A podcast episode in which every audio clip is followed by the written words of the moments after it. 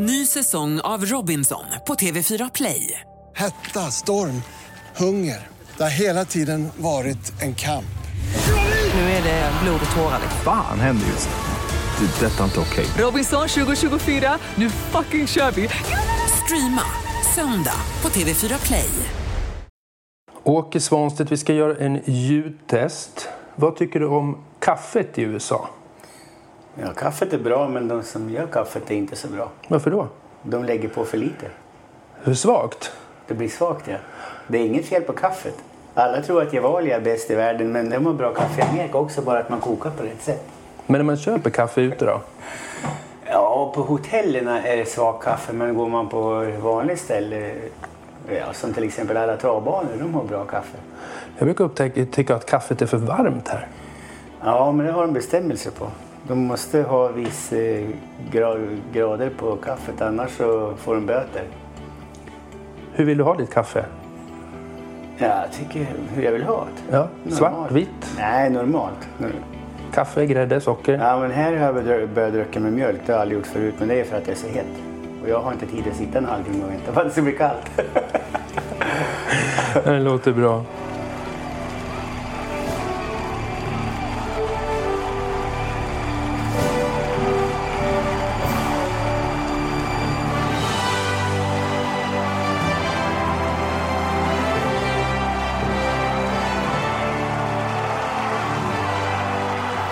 Åke Svanstedt har sedan början av 90-talet tillhört elitskiktet bland svenska tränare och kuskar och har numera även visat att han kan konkurrera med de allra främsta i Nordamerika. Gidde och Torvald Palema, Sogin, Resolve och den absolute världsrekordhållaren Sebastian K är bara några av de stjärnhästar som förknippas med Åke Svanstedt, som kunnat räkna in flera segrar i bland annat Elitloppet, Svenskt travkriterium och derby, Olympiatravet, Åby Stora Pris, Hugo Åbergs Memorial, Sundsvall Open Trot och otaliga andra svenska och internationella storlopp som VM-loppet, Oslo Grand Prix, Copenhagen Cup och Grand Criterium de Vitesse. I Sverige har han utsett till årets tränare och kusk vid flera tillfällen och 2017 valdes Åke Svanstedt in i Nordiska travmuseets Hall of Fame. Åke Svanstedt kommer från en kväll i Pocono Downs hemma vid halv två i natt, upp och kört fort klockan sex på morgonen. Hur känns det? Ja, jag är nog kanske lite för gammal för att sova tre och en halv timme. Men det, det är ju högsäsong nu och då får man stå ut med det. Så det går lite lättare när man vinner lopp också. Pocono Downs, det är en bana som du gillar. Varför då? Det är en jättefin bana för hästarna. Den är en av världens bästa banor tycker jag. Underlag och allting. Och det är ju, den har ju världsrekord för travare också. Vem är det som har det? Ja, Sebastian Kåre. Berätta om den där kvällen. Den magiska kvällen det i Pocono var ju Downs. helt otroligt egentligen. Han hade ju tävlat eh, på Meadowlands då innan och gått 50 tider då, varje gång åkandes. Så jag tyckte ju att eh, någon dag som, om hästen känns bra så måste jag prova att köra på och se om man kan gå världsrekord. Och den där dagen så hade det regnat ja, hela dagen nästan och så på eftermiddagen och kvällen blev det soligt och fint. Så banan var helt perfekt och det var bra fuktighet i luften och fin luft. Och det var kanske 28-30 grader på kvällen. Så det var ju perfekta förhållanden. Och hästen värmde jättebra och kändes kanonfin så då tänkte jag att nu ska jag prova. Ta oss igenom loppet eller? Ja, fick ju köra hårt ifrån start för att komma om Modern Family och några fler där. Arch Angel var det. Men sen fick jag ta det lite lugnt och, men då började kusken bakom Odd Angel och skrika tusen kvar. Oh, keep going, keep going, skrek han. Och ändå gick det ju rätt så fort.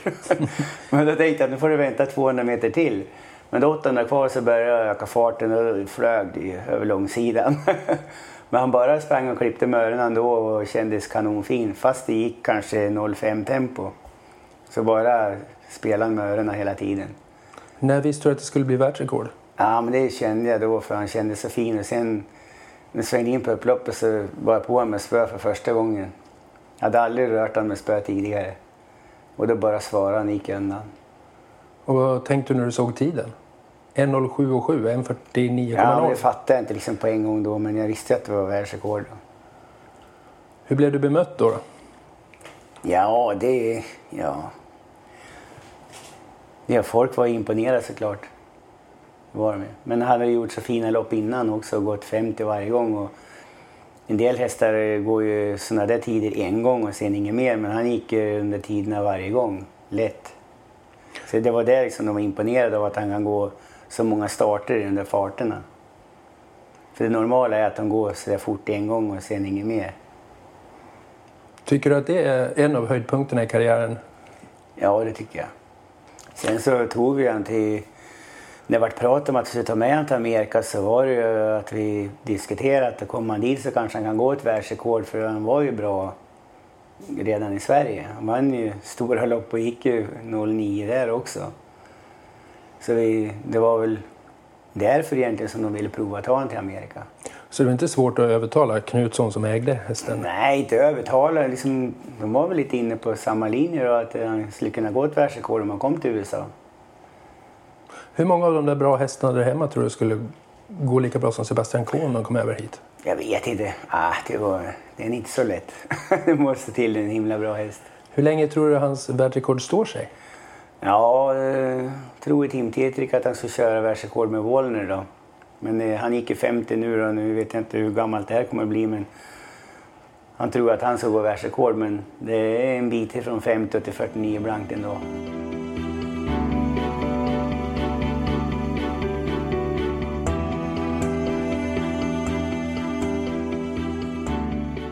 Vi tar din bakgrund Åke. Var, var kommer du ifrån så att säga från början? Från för förhållanden? Ja, jag är från Sundsvall då.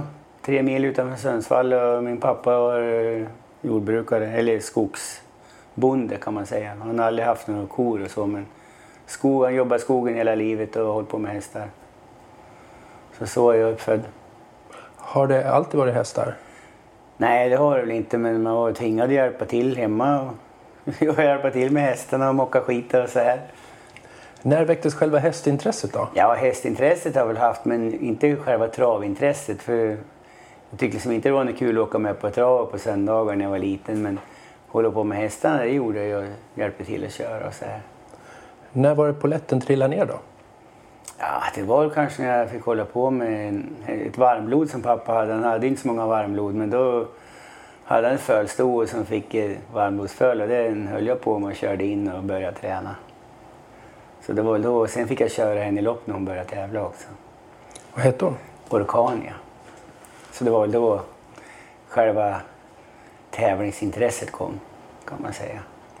Vad ville du bli när du var liten då? Du kan ju inte ha velat bli travtränare när du var 5-6 år gammal. Nej, det vet jag inte vad jag ville bli då. Det kommer jag inte ihåg. Men det kom väl sent in i bilden att jag skulle jobba med trav. Vi jobbade på en golffirma och hjälpte pappa i skogen och så här. Eller jag jobbade åt pappa i skogen. Och, men sen så, bara av en händelse så ja, sökte jag jobb hos Christer Söderholm. Han hade flyttat till Stockholm då. Så det är ju länge sedan. Slutet på 70-talet då. Så eh, då blev mamma eh, helt chockad när jag kom hem och sa att jag flyttat till Stockholm. Men det var så det började. Det var liksom bara händelser. Det är mycket tillfälligheter i livet som avgör mycket. Ja. Hur var det då att komma ner från Sundsvall till, till Stockholm? Då? Ja, det gick väl bra. Ja, jag, jobbade, jag jobbade inte så länge åt Christer. Och, jag kommer inte ihåg, fyra månader, kanske fem månader. Sen började jag stiga. Det var tre, tre och ett halvt år tror jag. Vad lärde du dig av Stig? Ja, men det hände ju mycket där. Han hade mycket hästar och det, ja. Det, är man med och kollar, man tittar inte bara på sina egna passhästar utan man såg vad som hände runt om i stallet och hur han tränade. Det är väl, ja, han var ju väldigt noga med allting och metodisk i sin träning. När kom du på att du ville bli tränare själv och satsa på eget så att säga? Ja, det kom ju sen. Det är väl egentligen så är det ju Kurt Eriksson heter han. Han är Rydsglas. Gamla sponsorn? Ja visst, jag har ju känt han hela livet och det var väl han som egentligen övertalade mig att flytta hem till Sundsvall och bli tränare. Hur gammal var du då? Ja, 23, 24 år, 24. 24 var han nog när jag började.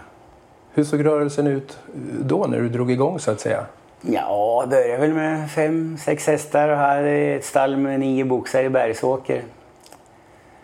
Så det, ja, sen så fick jag ju min första bra häst. Det var ju Kurt Eriksson som ägde det och Bombi Boy hette han. Han vann 38 lopp. Så det var väl, och så samma veva fick jag börja köra en amatörhäst. Det var en, en kamrat till Kurt som heter Tommy Jansson. Det var Lygi, så då kom ju Lygi och Bombi Boy samtidigt och det var ju två väldigt bra hästar. Lygi vann ju mycket lopp. Så det kom ju två bra hästar samtidigt och det var ju, ja då blev det lite skjuts på allting. Kommer du ihåg första loppet du körde? Ja, det kommer jag inte ihåg riktigt. Det var någon kallblod, birring eller någonting kanske. Jag kommer inte ihåg. jag pratade med Örjan Kihlström. Han sa att ja, han kommer ihåg första loppet, det var galopp. Och i femte loppet fick han köra en betrodd häst och skulle han inte vinna då, då skulle han lägga av och köra. Ja. ja, men jag tror jag körde ganska många lopp innan jag vann då. Men jag vann mitt första lopp med den Orkania då. Då när man blir tränare så, så pass ändå ung, tyckte, kände du att du var mogen för det då? Ja, mogen och mogen vet jag väl inte men man tog i alla fall steget att bli egen tränare. Men sen då så ja, går ju och ser hur andra gör och det är klart att jag var imponerad av Stig och träna som han gjorde. Men jag fick ingen ork i mina hästar när jag körde som han. Jag tyckte han vann ju mycket, hade jobbat där länge så jag gick i samma spår som han. Men sen efter tre år eller vad det var så köpte jag en gård nära pappa och mamma där. Och det var då jag började träna backträning för då hade jag ju tre mil att köra in till Bergsåker. Man kunde inte åka in dit och köra snabbjobb med hästarna. Så, och så började rakbanorna komma då på den tiden. Stig H och Tommy Ané var väl de första som hade rakbanor. Och det hittade ett ställe i skogen på en skogsväg där som var ganska rak och fin och i tusen meter. Men det var bara det att det var luta uppför. Men då började jag köra där, intervallträning. Och då jag, hade, jag hade fem hästar där då. De där fem hästarna började jag tävla jättebra och vann lopp och löpande band. Så sen så utökade jag stallet och mer och mer då. Höll du det hemligt då? Liksom? Tyckte du att du hade kommit på någonting? Nej, det förstod jag väl inte att jag kommit på något. Men hästarna blev starka och höll sig fräsch och fin. För tränade ju rätt så hårt utan att det blev några snabba farter. De blev ju hållbar. Stark och hållbar. Vad tyckte du var det viktigaste under de första åren du fick lära dig? Nej, men det var väl egentligen att man skulle gå lite sin egen väg då. För det gjorde jag ju då när jag köpte den här gården. För att träna sådär i backe var väl ingen som hade gjort innan då kanske. Och, ja, det liksom och, Men ändå så grunderna fick jag ju lära sig att stiga och liksom hur, rutiner och allting. Så han var ju väldigt noga med rutiner han och det har väl efterapat liksom att man ska hålla på rutiner och ha tålamod. Det hade ju Stig och verkligen. Så rutiner och bra tålamod. Men sen ska man nog gå sin egen väg också om man ska lyckas. Man kan inte bara titta på andra. Men det måste man väl göra också. Både de det går bra för och de det går dåligt för. För att lära sig något nytt. Vilka hästar skulle du säga har betytt mycket för dig? Om du tar tre hästar till exempel som var mest betydelsefull i karriären. Ja, det var väl Bomberboy och Lyge då, då. Men sen kom ju Sogin och det var ju på en helt annan nivå. Så det är väl... Och sen när jag flyttade till Axvalla eller Skara, då var det ju Jidde Palema. Berätta om Bombi Boy. Ja, det var ju första hyggliga hästen, eller bra hästen jag fick. Och det var ju Kurt Eriksson då, som kom med den. Och då hade de haft han och Stig och Jag tror han var tre år på hösten när han kom. Och då hade han tränat 45 som snabbast. Och så sa Kurt att du får göra precis vad du vill bara du inte går till veterinären. För då hade de gjort allt. De hade kastrerat, de hade bränt honom och de hade behandlat. Och han var bara trava dåligt jämt. Så då, ja, då tränade jag på där. Då ville Kurt att jag skulle fylla i varenda träningsjobb och skriva hur han tränade. Och då om man tittar tillbaka efteråt så gick det i, vad säger jag, vågor upp och ner. Han travade dåligt i en period och så kom, travade han bra en period och så var han dålig. Gick upp och ner men det blev kortare mellan, det blev, själva formkurvan blev rakare och rakare. Och då åkte jag faktiskt till Solvalla och debuterade med den. Det var ju ovanligt på den tiden. Och jag var ju ny som tränare då också så åkte jag till Solvalla och debuterade med en häst. Men då var han tvåa och knappt slagen av Kacke Nilsson hade en häst som slog en femåring som debuterade och jag debuterade med den här som var fyra. Då. Men då galopperade han i mål som tvåa. Det var hård slutstrid. Så det var debuten. Vad sa Stig då? då? Nej, det vet jag inte. Han brydde sig väl inte det heller då. Men det var... Ja, sen så vann han ju bara. Så han vann ju 38 lopp och var segerrikast på Bergsåker fyra år i rad. Han vann ett lopp utanför Bergsåker bara. Han var dålig reshäst. Han vann Sverigeloppet en gång. Det heter Sverigeloppet. Det var segerrikaste hästarna från alla banor de möttes. Men det var enda lopp han vann utanför Bergsåker. Hur kom Sogen in i din, ditt liv? Ja, på den tiden så hade jag unghästarna på Hagmyrens travbana.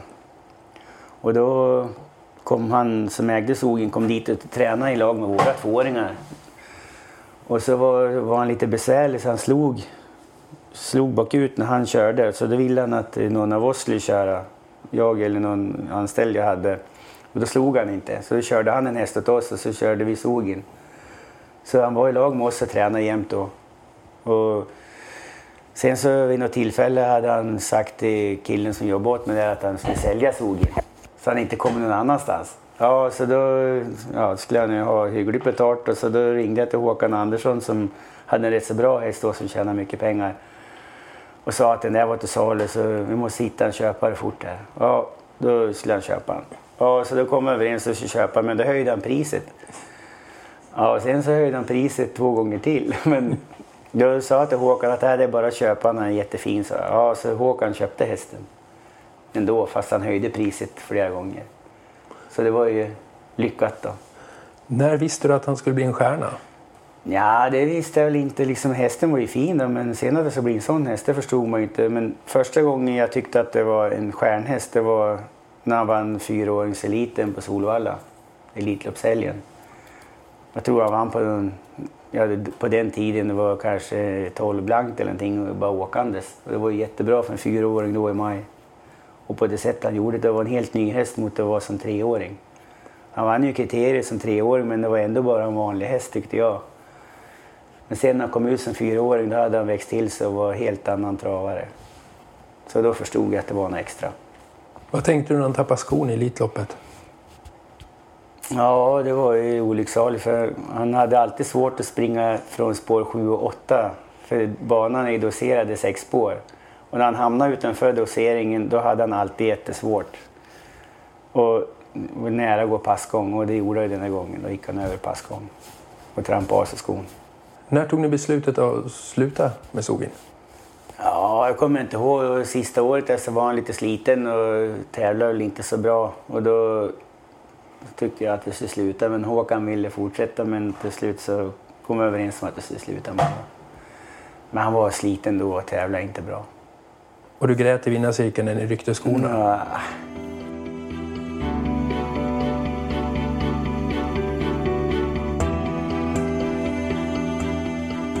Är du rastlös? Nej, det är jag inte. Det gick så bra på Bergsåker, så flyttade du därifrån till Axevalla och sen det gick bra på Axevalla så flyttade du till USA. Hur, varför tog du beslutet att flytta från Sundsvall en gång i tiden? Ja, men det, då började marknaden började bli lite svårare. Man fick lägga ner så mycket tid och jobb på att få in hästar i träning. Och så hade Sogen slutat tävla och så gick det lite sämre kanske, men det gick inte dåligt. Och då tyckte folk, ja titta nu går det dåligt för nu är det färdigt här. Och det var svårt att få in hästar i träning där. Och man fick se till, jobba mycket med att få in hästar i träning trots att det gick så bra som det gjorde. Plus då att jag hade en gård som var liten och man fick liksom arrendera mark och det var liksom tjafs med grannar och mm, allt möjligt. Det var där vi tränade. Även fast jag ägde vägen vi tränade på så hade man ju en liten bit att köra för att komma dit. Och då, under alla år jag var där så var det lite tjafs med grannar och folk runt omkring som inte tyckte om att vi körde häst där. Så då hade jag liksom en önskedröm att få komma på en gård där man kunde vara på egen mark och göra allting på egen mark. Och började väl titta lite på det och såklart och ja, lite mer allvar blev det i efterhand. och fick tips på Bjärtorp. Jag var och tittade på flera gårdar innan och, men då fick jag tips på Bjärtorp. Eller ägaren hörde av sig till oss för han, de hade sett att jag letade gård och, så det var de som hörde av sig och bjöd ut gården till försäljning. Vilka fler alternativ fanns det då? Hade du några andra planer? Eller? Ja, jag var tittade på Julmyra också. Men där fanns det inte så mycket då så det kostat så väldigt mycket pengar att bygga upp någonting. På Bjärtorp det fanns ju allt. Det var ju bara att flytta in och börja träna. Hade du ingen tanke på att lämna Sverige då? Nej, ja, jag var ju faktiskt eh, till Kur Charm. Jag sökte ju en tränare i Frankrike. Så jag var ju faktiskt aktuell där och frågade. Men då tyckte de att jag hade ingen vana för att träna franska hästar. Så det sprack det på det. Åh fasiken. Så det hade kunnat vara där också. Jag tänker om det hade blivit Frankrike istället Ja. för USA sen. Ja, visst. Men sen då blev det Bjärtorp och ja, då gick det lite trögt första fem sex månader men sen lossnade det och började gå jättebra. Så sen behövde jag aldrig lägga ner energi på finhästar i träning. Utan det var det bara att ja, svara telefon och ta emot hästar. Så det var en helt annan marknad när man kom ner dit. Och nära till banorna också behövde jag aldrig övernatta när jag åkte på en V75. Så det, ja, det blev mycket bättre skjuts på allting när jag kom ner dit. Var det någonting som var svårt där i början då? Jag menar om du tränade i backe, det fanns väl inte så mycket på Nej, det fanns inga backar. Men då efter fem månader så kom vi på att det fanns en sandbana där som var lite igenväxt med gräs. Och av en händelse så körde jag ut på den där banan med en häst som hade en massa hovsprickor på alla fyra fötterna och då tyckte han om att träna där. Det var så mjukt och fint. Och sen så började han att tävla otroligt bra. Så det började körde med en till halvhalt och dålig häst där och han började också tävla bra så nu åkte vi dit med alla hästar sen och tränade. Är det alltid små tillfälligheter? Ja, det har ju varit det. Det är ofta så. Vad skulle du säga är din grej som tränare? Vad är du bra på? Ja, vad är jag bra på? Det vet jag. Jag hoppas väl att jag har känsla för hästarna då. Det är väl det allting bygger på för alla, alla travtränare. Inte bara det är sådana som håller på med hundar och jakthundar och allting. Det har de ingen känsla för djuren eller för hundarna då får de ingen bra jakthund heller. Så det är att man måste ha lite känsla för hästarna.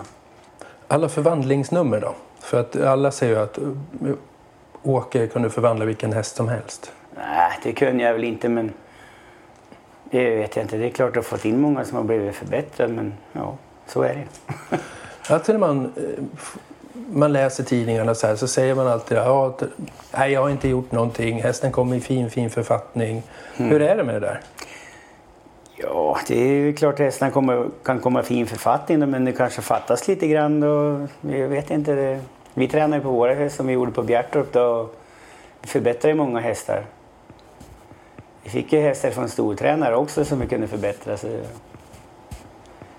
Ja, hade du ingen sån hemlighet? Vad var det ni gjorde på den tiden? Nu har det ju gått en tid. Vad, vad var det som var speciellt? Ja, vi körde på den där sandbanan och tränade och ja, det, hästarna trivdes. Vi hade ju även bra personal och det, allting funkade. Det måste det göra. Det måste vara ett bra gäng som jobbar och alla måste vara samspelt. Veterinärer, hovslagare och allting. Allting fungerar bra där tyckte jag. Det var väldigt lite folk som slutade jobba och var det någon som slutade jobba så kom de tillbaka efter ett eller två år. Många som jobbade en sju, åtta år. Så det är ju ett bevis på att de trivdes då. Och det betyder ju också mycket för att allting ska fungera. Jag har letat lite i, i arkiven här innan jag åkte hit och eh, till exempel fyra hästar. Ninotchka, vad gjorde du med henne? Ja, den körde nog på sandbanan. Det, det, det första vi alltid gjorde när de kom i träning det var att gå igenom dem och behandla om de var halt och dåliga. Och sen så fick de en träningsperiod och kanske en koll under tiden också, att de höll sig fräsch. För det var ju liksom alltid bra direkt när de kom ut. Ja, men vi tränade ju rätt så hårt. Vi körde väldigt lite på rundbanan men om de hade en träningsperiod på tre månader som de ofta fick när det kom in en ny häst i träning då kanske vi testade någon gång på rundbanan bara ett 20-22 jobb och sen starta. Är likadant med alla. Ja, vi hade liksom ja, de rutinerna kan man säga. Och en sån som Bäckman som ändå var hos Läderkorpi kommer till dig och tar Ja. nio raka segrar. Ja, ja, Det var en riktigt bra häst. Vad gjorde du med honom? Nej, det var inga konstigheter heller. Det, det var inte det. Men som Mr Piccolit. Ja, det var ju också en jättebra häst. Ja, men han var liksom så här tvåa på Färjestad och sen... Ja. ja, men jag tror han var rätt så bra men hade mycket problem då hos Goop. Och ett år senare så vann han Copenhagen Cup hos dig. Mm, ja. ja, han gick ju från låg klass ända upp till guld på kort tid. Och Melby Sambuca. Ja, men han var opererad två gånger i sina framknän han kom så han passade väldigt bra på sandbaneträningen. Ja, fem V75-segrar Ja. och allt det där då. Ja, otroligt fin häst. Så du litar så mycket på, på, på det du gjorde? Hade det förtroendet liksom? Ja. Den häst jag kommer ihåg eh, främst det var Tag the Devil. Mm. För den kom, hade ju varit Sattla Hamre och så kom den till Stig och han var väldigt rörlig och besvärlig och gick med PG-skor i vikt hos Stig och även hos Atle Hamre. Och så när vi tränade sambanan där så, han var faktiskt felfri också när han kom, det var inga hälter, det kommer jag ihåg.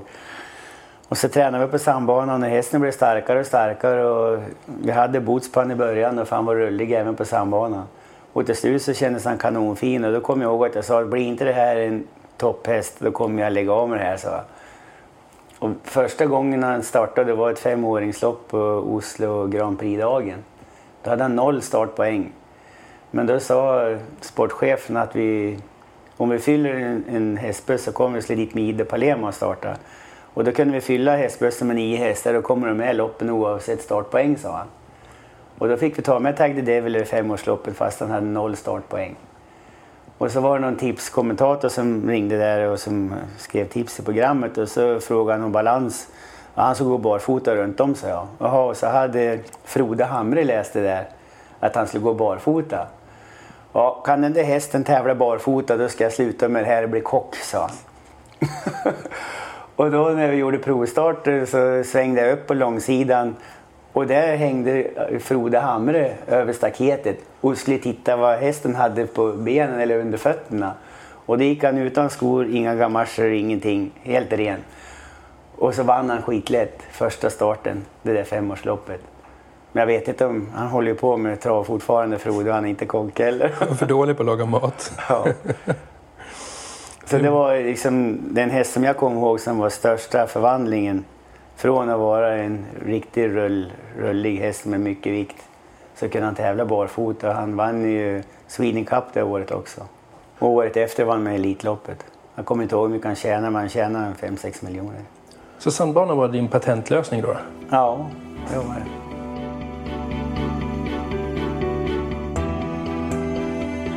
Men när du flyttade ner då till Axevalla ehm, så blev det ju upphaussat i media lite det här gröna kriget. Du och Björn Goop körde mot varandra hela tiden.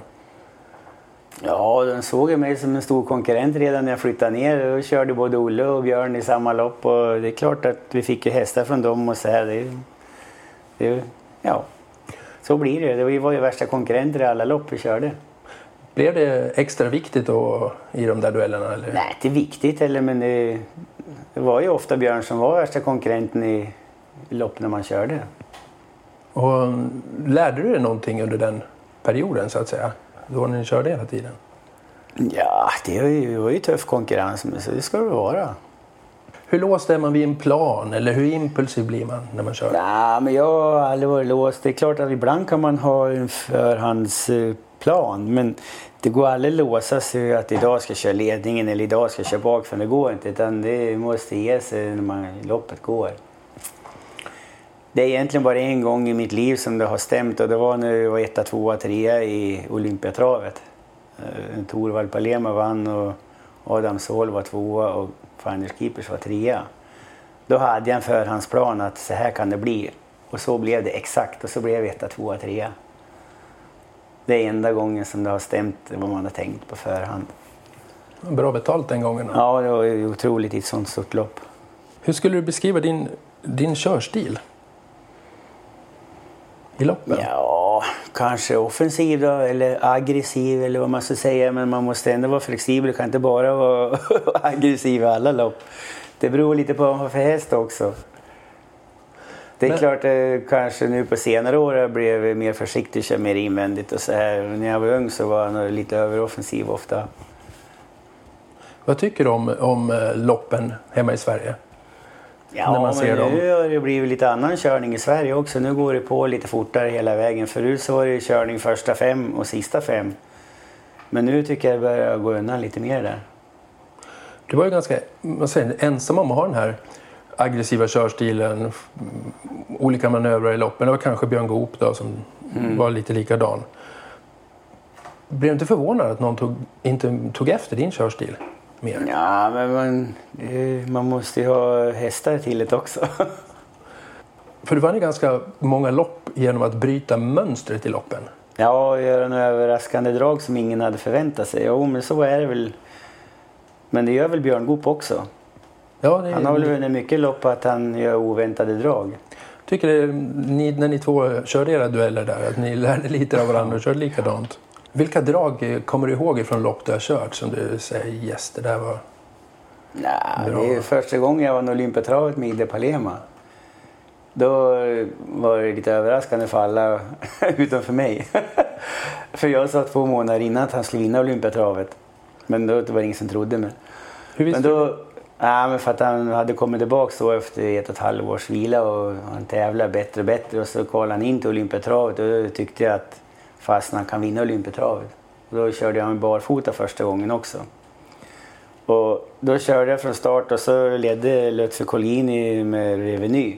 Och så kom jag på första långsidan, då bara svarade han och så ruskade han på huvudet. Ja, så tog jag upp, då kom en fransman, vad han nu hette. Och då kom han på UC, för då vinkade Lutfi fram han. Att han skulle gå, köra förbi, för han var favoriten Ja, fransmannen också. Flambeau de Pin. Flambeau de Pin hette han ja. Och då vinkade han fram den så han skulle få ledningen. Då 15, ja, 1400 kvar så kom Flambeau de Pin till ledningen. Fick jag ju dödens i alla fall. Då tjurade jag till och så körde jag till allt vad som gick 1200 kvar och bara blåste till åt den där Flambeau de Pin.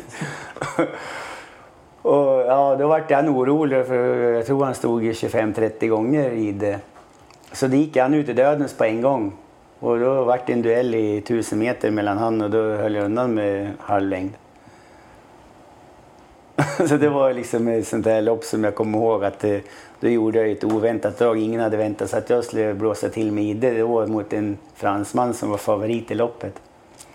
Och Lutfi blev väl också överraskad. Han hade lika gärna kunnat släppt till mig då. Det var då du ja, ryckte skorna och sen Ja. tog av alla skydden. Ja, allting tog bort. Och sen så till var jag en av Europas bästa hästar i tre säsonger efter det. Just det, folk hade ju ryckt skorna innan, eh, men också att rycka alla skydden. Ja, men sen var det att hästen var ju på väg uppåt riktigt. Han vart det bättre och bättre. När han kvalade in till Olympiatravet det gjorde han det på, i Sundbyholm med broddskor för det var kallt och det var sen vår. Så det, då tänkte jag att tar man av den här skorna nu kommer han ju flyga fram. Och det gjorde han ju. Sen var det många som, som vad ska jag säga, tog efter, ryckte alla skorna och skydden. Ja, det, det brukade man ju inte göra Ja. innan. Hur kom man på det då? Ta bort skydden också? Nej, det vet jag inte. Nej, men han gick ju ganska fri. Han slog sig aldrig på gamascher eller skydd. Han, han var fri igång. Andra sådana här små saker. Tejpade öron. Ja, det gjorde vi med Torvald Palema, ja. Då började han att springa, men det gjorde vi kanske fem, sex starter, sen slutade vi med det. Varför gjorde man det? Jag vet inte, för att öronen började fladdra på han. Ungefär som de var gjorda av tidningspapper, tunt tidningspapper. Jag har aldrig varit med på en häst förut. och började han och gjorde så tusen kvar, då visste jag att nu kommer han att stanna på upploppet och det gjorde han. Varje gång, för han tränar ju som en demon och jag sa liksom det här måste ju bli en jättebra häst för han var så stark och rejäl när man tränar. Och så kom han i lopp, då kommer första besvikelsen redan i första loppet för då började öronen fladdra och så stannade han. Så det, då gick han inget och så kom han med i ett vanligt snabblopp uppe i Bergsåker. Och då hade jag sett en häst i Amerika som de hade tejpat öronen på liksom, så de stod ju rätt upp där. Och då tänkte jag på det, kanske man tejpa öronen så han inte kan... Han fällde ner dem som en åsna och så bara fladdrade som en tunt tidningspapper. Jag har aldrig sett det på en häst förut. Men då tejpade vi öronen där och så att de stod rätt upp. Och då vann han ju hur lätt som helst, så att bara åkte på en jättebra tid när vi gjorde det. Och sen så fortsatte vi och gjorde så nu bara gick han ju sen. Men då, sen slutade vi med det och då fortsatte jag springa i alla fall. Var det ingen annan som tog efter det då och började tejpa öronen? Nej, det var väl speciellt bara. Jag vet inte varför han gjorde så men eh, började han 1200 kvar eller 1000 kvar och fladdra med öronen så där, då, då visste jag att det spelar ingen roll vad jag gjorde så stannade han och var sist i mål. Jag vet inte varför. Om det var psyket men han hade ju haft hjärtmuskelinflammation som fyraåring och kanske att det satte sig i psyket att han var rädd att ta i på något vis. Och de har ju mycket nerver i öronen och i nosen så det kanske blev någon sorts grej där. Det är många som kan få hästar att bli någon sån här klass bättre. Men att få redan etablerade gulddivisioner, riktigt bra hästar och ta steget och bli världsstjärnor. Vad är det för kvalitet man måste ha? Sebastian K vart ju bra. Han var väl bra innan också men inte så märkvärdig måste jag säga. Man hade ju tjänat mycket pengar. Men, Torvald Palema, ja. Gidde. Men ja, Torvald han uh, vart väl dålig efter sin hjärtmuskelinflammation då. men sen, ja, sen kände han väl att han kunde jobba utan att det gjorde ont så det, han kom över det. Rätt tid och rätt plats. Sen tycker jag både han och Sebastian K var väldigt svag i psyket i lopp. Väldigt tuffa hästar till vardags och träningsmässigt och allting men i lopp var de otroligt känsliga. De var väldigt likt varandra. Man fick vara väldigt försiktig när man körde lopp och ja, köra försiktigt och inte driva dem eller någonting sådär för mycket. Mm. Det var ju en sån som Ide Palema och Sogin, de var ju väldigt tuffa hästar i lopp. Gidde han kunde gå flera speeder i ett lopp och bara fortsatte. Och Sogin han gav sig aldrig förrän han passerade mållinjen. Så de var ju tuffa även i lopp då. Många tror att det gör så stor sak av allting om man har såna hästar som Sogin och Ida och de här, att de gör så stor sak av det att det är så märkvärdigt. Det behöver inte vara så märkvärdigt. Har man en bra häst så har man en bra häst och det gäller ju att träna ja, på ett enkelt sätt. De behöver inte krångla till foderstaten och man behöver inte ta pulsen jämt och eh, mjölksyreprover och vad heter det, laktatprover och de tar allihopa nu och håller på. Man kan köra helt vanligt foder och träna som vanligt så har man en bra häst. Det är många som överdramatiserar när de får en bra häst. Det gäller bara att göra som vanligt allting. Anders Lindqvist gjorde ett uttalande för länge sedan, då var jag ganska ny och då det var något uttalande. Han tyckte att många krånglar till det så mycket med träning och utfodring och allting. Gör det så enkelt som möjligt, sa han. Och då hade jag precis startat och det tyckte jag var ett bra uttalande av han då. Det är säkert det funkar fortfarande. nästan 35 år sedan. Och det liksom tyckte jag att jag gör det så enkelt som möjligt och det har jag faktiskt försökt gjort. Våra bra hästar har vi aldrig särbehandlat på något sätt utan en sån som Jidde Palema den körde jag nästan aldrig träningsjobb. Det var ju hon som skötte Jidde som, eller Morgan var det som körde. Så mm. jag, jag, körde nästan aldrig träningsjobb med Jidde Palema men jag såg han ju alla träningsjobb för vi körde tillsammans. Vi var ju 25 hästar som körde lag då. Så jag såg han ju alla jobb men jag körde han aldrig. 25 hästar som körde i lag? Ja, det var ju alltid det. Var det någon tanke med att ha så många hästar tillsammans? Nej, men vi var ju tvingade om vi skulle hinna med oss. Vi hade ju 200 hästar så alla skötare körde ju. Och jag och Glenn och någon fler och pappa körde. Så vi var 25 som körde varenda gång. Annars hade vi inte hunnit med oss. Jag tänkte så här, för en som står utan, utomstående då och tittar på det här och så är det 25 hästar hit. Tänker man, fasiken, det är ju så hästar är när de är fria. Alltså ja, i en flock? Det, det, var många hästar som nog blev bra bara på grund av det. För att hade man en het häst och så fick han springa mitt inne i högen där. Då efter någon månad så fattade de att de måste lugna ner sig. De kom ju ingenstans. Och hade man en lat häst som inte ville träna. Ja, de ville ju springa med flocken. De ville inte bli på efterkälken. Så då, den rycktes med och tränade mer än den hade gjort tidigare. Och den heta hästen lärde sig att varva ner och springa med i flocken bara.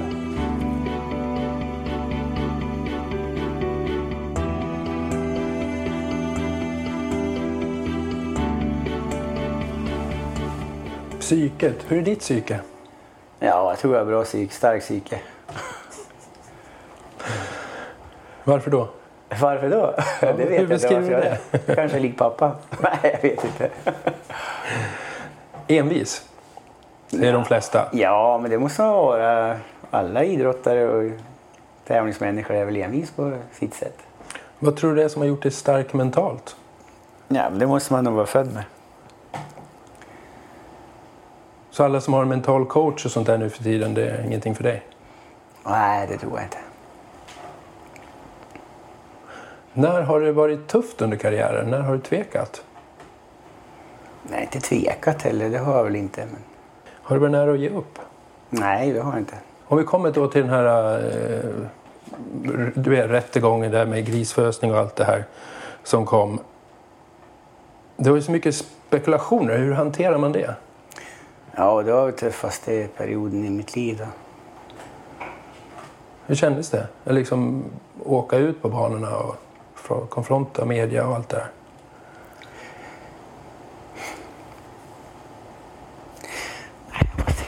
Ja.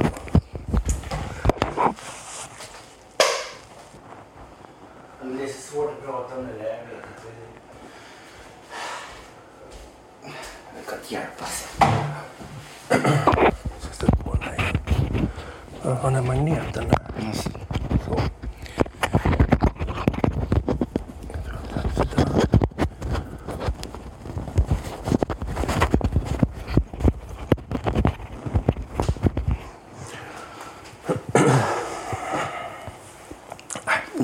Ska säga, men det var väl... Man hade mycket hjälp av hästarna då, på Ja. något vis. För de tävlar ju otroligt bra. Jag tänkte du måste hjälpa hästarna. Man måste gå upp liksom på morgonen och se de här rubrikerna och sådär. Och, Hur svarade hästägare på allt? Och stöd och hit och dit? Så. Nej, men de sa väl ingenting. Det var väl egentligen bara en hästägare som flyttade hästarna. Det var ju stallkurant flyttade sina hästar Vi hade ju ett par åt han. Annars så tappade vi inga hästar, vi tappade bara två. Vi fick ju nya hästar i träning under den tiden. Så ja, sen så personalen de var ju också liksom kan man säga drabbade då för deras föräldrar frågade och höll på med och ja, liksom, de kände sig också skyldiga på något sätt. Alla jobbar ju hårt. Ja, för det var ju väldigt mycket locket på. Och det var ingen Det som där. pratade om det till, till vardags hemma. Det var ingen som sa något. Och ingen hästägare sa något heller. Det var ju bara stallkurant som ifrågasatte och flyttade hästarna. Ja. Och så här liksom några år efteråt när man tittar på det. det var ju liksom, allting var ju tyst och locket på. Och Sen, så, ja, sen så kan jag säga det att Silberski var till mycket hjälp. Då. Vad gav han för råd då? Läs inga tidningar sa han. Han var jättebra. Jag kommer ihåg, jag själv, jag skulle göra någon segerintervju med dig på Halmstad tror jag att det var. Så körde du fram och så tittade du på mig och sa, jobbar inte du åt TV4? Ja. Och, och det där fick jag, efteråt så trodde alla att du och jag var osams. Nej, det var ju inte det. Och Expressen ringde samma kväll och undrade vad som hade hänt. och sådär. Men Nej, men det var väl TV4 och Travronden som satte igång det hela. Det var det. Men Från så- ingenting liksom. Det... vad var det med hästarna som hjälpte då? Jag vet inte. På något sätt så sprang de bättre än vanligt. Jag vet inte varför. Blev det liksom att jäklar anamma, jag ska visa dem eller? Nej, jag vet inte. Liksom. Jag vet inte. Men de gick ju otroligt bra. Under Ja. hela den där perioden. Men kändes det någonstans där då, den här stora händelsen, att eh, du sen drog vidare till USA? Nej, det, var inte så. Men det, man funderar hur det skulle bli. det, Men det, är man oskyldig kan man inte bli fälld. Det, så, någon rättvisa måste det finnas ändå. Möter du någon som ifrågasätter hela den där Men biten? sen då, media liksom, där blev man ju eh, dömd och hängd och allting liksom. De gick ju före hela tiden och bestämde hur det skulle vara men Sen hade domaren en annan syn på det än vad journalisterna hade. Men känner att du kan gå ut rakryggad med allt ur det här? Ja, det kan jag väl. Ja.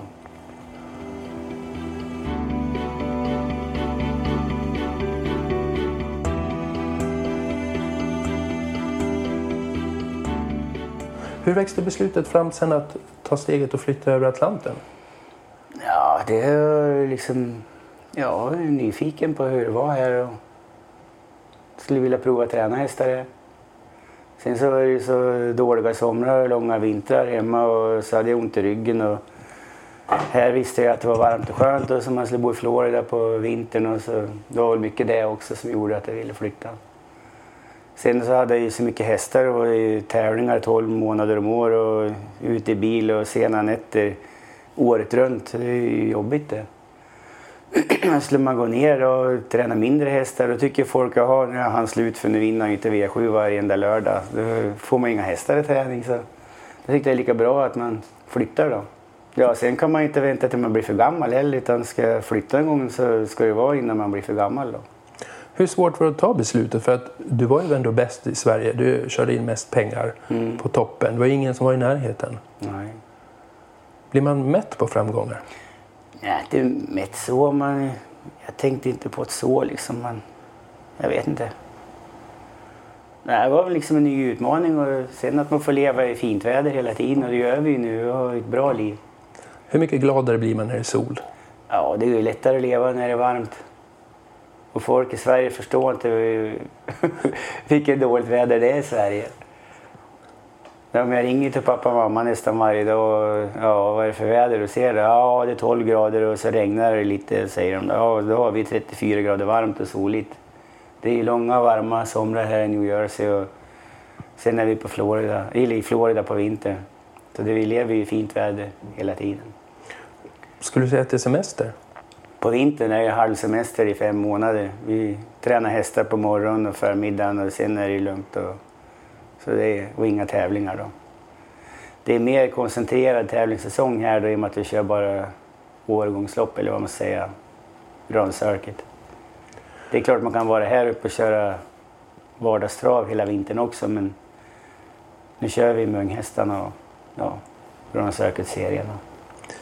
Från då när du valde att, valde att flytta från, från Axevalla och var toppen och sen börja helt nytt. Det är ett annat system med tävlingar med unghästar på ett annat sätt än vad det kanske var hemma. Ja, det är mycket som är nytt och olika här, det kan man inte tro. Men då, första året och eller ett och ett halvt år var väldigt jobbigt med mycket nya rutiner, nytt folk att lära känna och nya regler och systemet, systemet i det hela. Men i slutändan så är det kapptävling med hästar vi håller på med ändå. Så.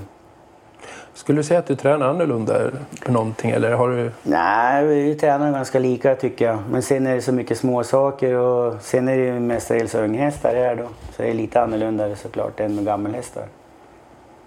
Men jag tycker vi har lärt oss mer och mer för varje år och det har ju faktiskt gått bättre och bättre. Nu får vi se i år då om vi kan förbättra siffrorna ännu mer. Du kom ju då, så eh, direkt när ni kom över så hade du Sebastian K och sen vann ni Peter Holton Memorial med Centuren ATM. Eh, det var ju en, verkligen en rivstart. Ja, det blev det. Så, ja. Hur kände du med kraven när du flyttade hit? ja, det är klart det var höga krav, det, var det ju såklart. Men man har hållit på för länge ändå för att bli så mycket påverkad. Jag har väl alltid haft krav på mig själv hela tiden. Man får inte påverka så mycket av de yttre kraven. Men jag har mina egna krav. Till exempel, Ja, men det är klart att man vill prestera bra att hästarna ska gå bra vad skulle du säga är mest annorlunda här då? Eh, när du har dragit igång i USA? Ja, det är mycket som är annorlunda. Man kan ju börja med själva hästägandet då. I Sverige är ju hästar, hästägarna, de köper ju en häst för att de tycker det är roligt att äga en häst och de vet att det kostar. Och får de in pengar så är, ju, är de ju ännu gladare. Men de vet vad de ger sig in i hästägarna i Sverige. Att det kostar si och så mycket och de är förberedda. Men här köper de en häst för att de ska tjäna pengar. De måste få in pengar. De har inte den här känslan för hästarna att Åh, jag äger en häst som ska tävla. Utan här har de hästen som måste starta, de vill starta varje vecka så att de kan tjäna pengar.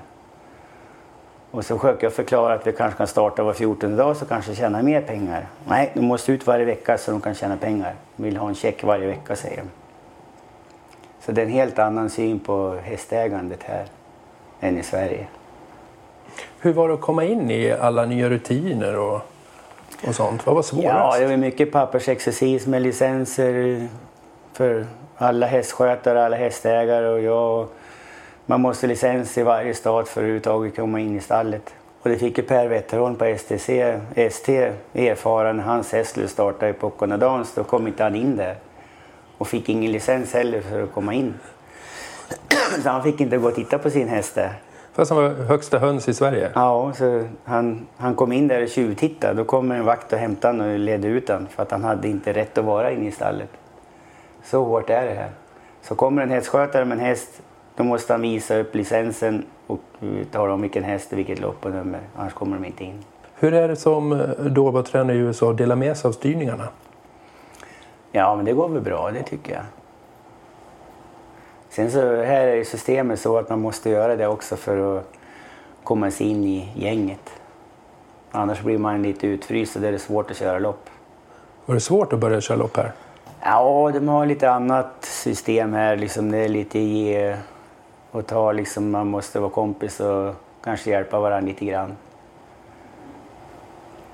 Och då måste, som förra året, då körde jag hälften av alla lopp. Vi gjorde 600 starter och jag körde 300. Då. Så det är nog där vi måste hålla oss. Så man delar med sig lite? Ja, man måste göra det. Sen så är de ju väldigt duktiga kuskarna här så det är klart att de kör bättre än mig för de kör ju 15-20 lopp om dagen allihopa och kör stora lopp och de har väldigt rutin och otrolig koll har de faktiskt. Mer än man tror. Känner du att du som kusk kör annorlunda här? Eh, hemma var du ju ganska dominant i loppen. Hur ja, känner du att du det är gör lite här? annorlunda det här ändå. Det, sedan så beror det mycket på vad man står för odds på indikatorn också. Hur man kan köra. Men jag tycker jag har lärt mig bra komma in bra hit. Vilka är fördelarna då? Förutom vädret skulle du säga med sporten och hästarna. Ja, de har väldigt bra rutin på tävlingsdagar. Alla banor har bra rutiner och ja, bra disciplin. Då. Det är väldigt bra disciplin. Det är inga omstarter, ingen som är sen i defilering, inga tappskor, inga materialfel. Det är ingenting. Det är, så det är väldigt bra disciplin på tävlingarna. Hur ser du på framtiden här i USA för dig och träningsrörelsen?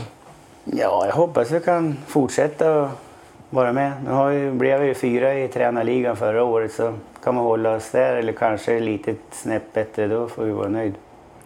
Och hoppas att hästägarna fortsätter att satsa. Vilka är dina hemliga krav på dig själv där då? Nå, jag skulle vilja klättra lite en bit till på tränarligan. Det är ju såklart. Så lite krav har jag på mig själv.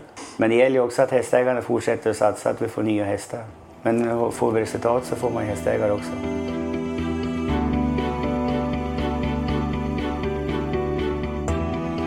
Vad är det med, med hästar som gör dem underbara? Det är väl mycket såklart. Det är levande varelser. Ja, det är trevliga djur att jobba med. Vad känner du att du får tillbaka? Ja, det man får tillbaka det är att de presterar bra på tävlingsbanan och liksom, sen är det den här känslan att de kan förstå vad man menar liksom, i många lägen. Kommunikation? Ja. Hur då till exempel? ja, men de förstår ju mer än man tror egentligen hästarna.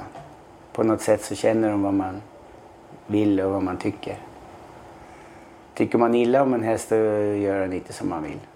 Hur mycket kontakt känner du att du får med hästarna? Personlig kontakt liksom, med Ja. hästarna som individer? Det är olika på hästar. En del hästar får man väldigt bra kontakt med. Jag pratade med en fransk tränare och han sa att eh, hans pappa, som också var stor tränare, eller farfar, Henri Levesque, gick ut varje kväll till sina hundra hästar och gav dem en sockerbit. Mhm. Gör du det? Nej, men ibland så går jag ut där på kvällarna och tittar. Är, om man inte är på en tävling och det tycker jag ja, skönt att gå runt så här och titta på hästarna. Du blev invald i Hall of Fame i år, 2017. Vad betyder ett sånt erkännande? Ja, men det är ju stolt över såklart. Och, och det är ju ett erkännande då, kan man säga. På att man har varit framgångsrik. Och så blir man kanske ihågkommen mera om man är invald i Hall of Fame. Hur lång tid tar det innan du blir invald i amerikansk travsports Hall of Fame? Nej, det blir inte. Jag är för gammal för det. Det, det tror jag inte att det kommer bli någon gång. Nej, kom igen nu då. Nej, det tror jag inte. Ja, framförallt måste man vinna Hambletonian. Eh, Annars är det chanslöst tror jag. Om du fick önska någonting, någonting som skulle hända i din karriär, vad, Vad skulle du önska dig då? Om du fick öns- önska I min någonting? karriär? Ja. ja, det är att jag skulle vinna Hambletonian. Det är det största man kan vinna här i USA. Då. Som kusk eller tränare? Ja, både och helst. Här är Hambletonian mycket större än Elitloppet där i Sverige och allting. Om, om man vänder Hambletonian i USA, där är man erkänd.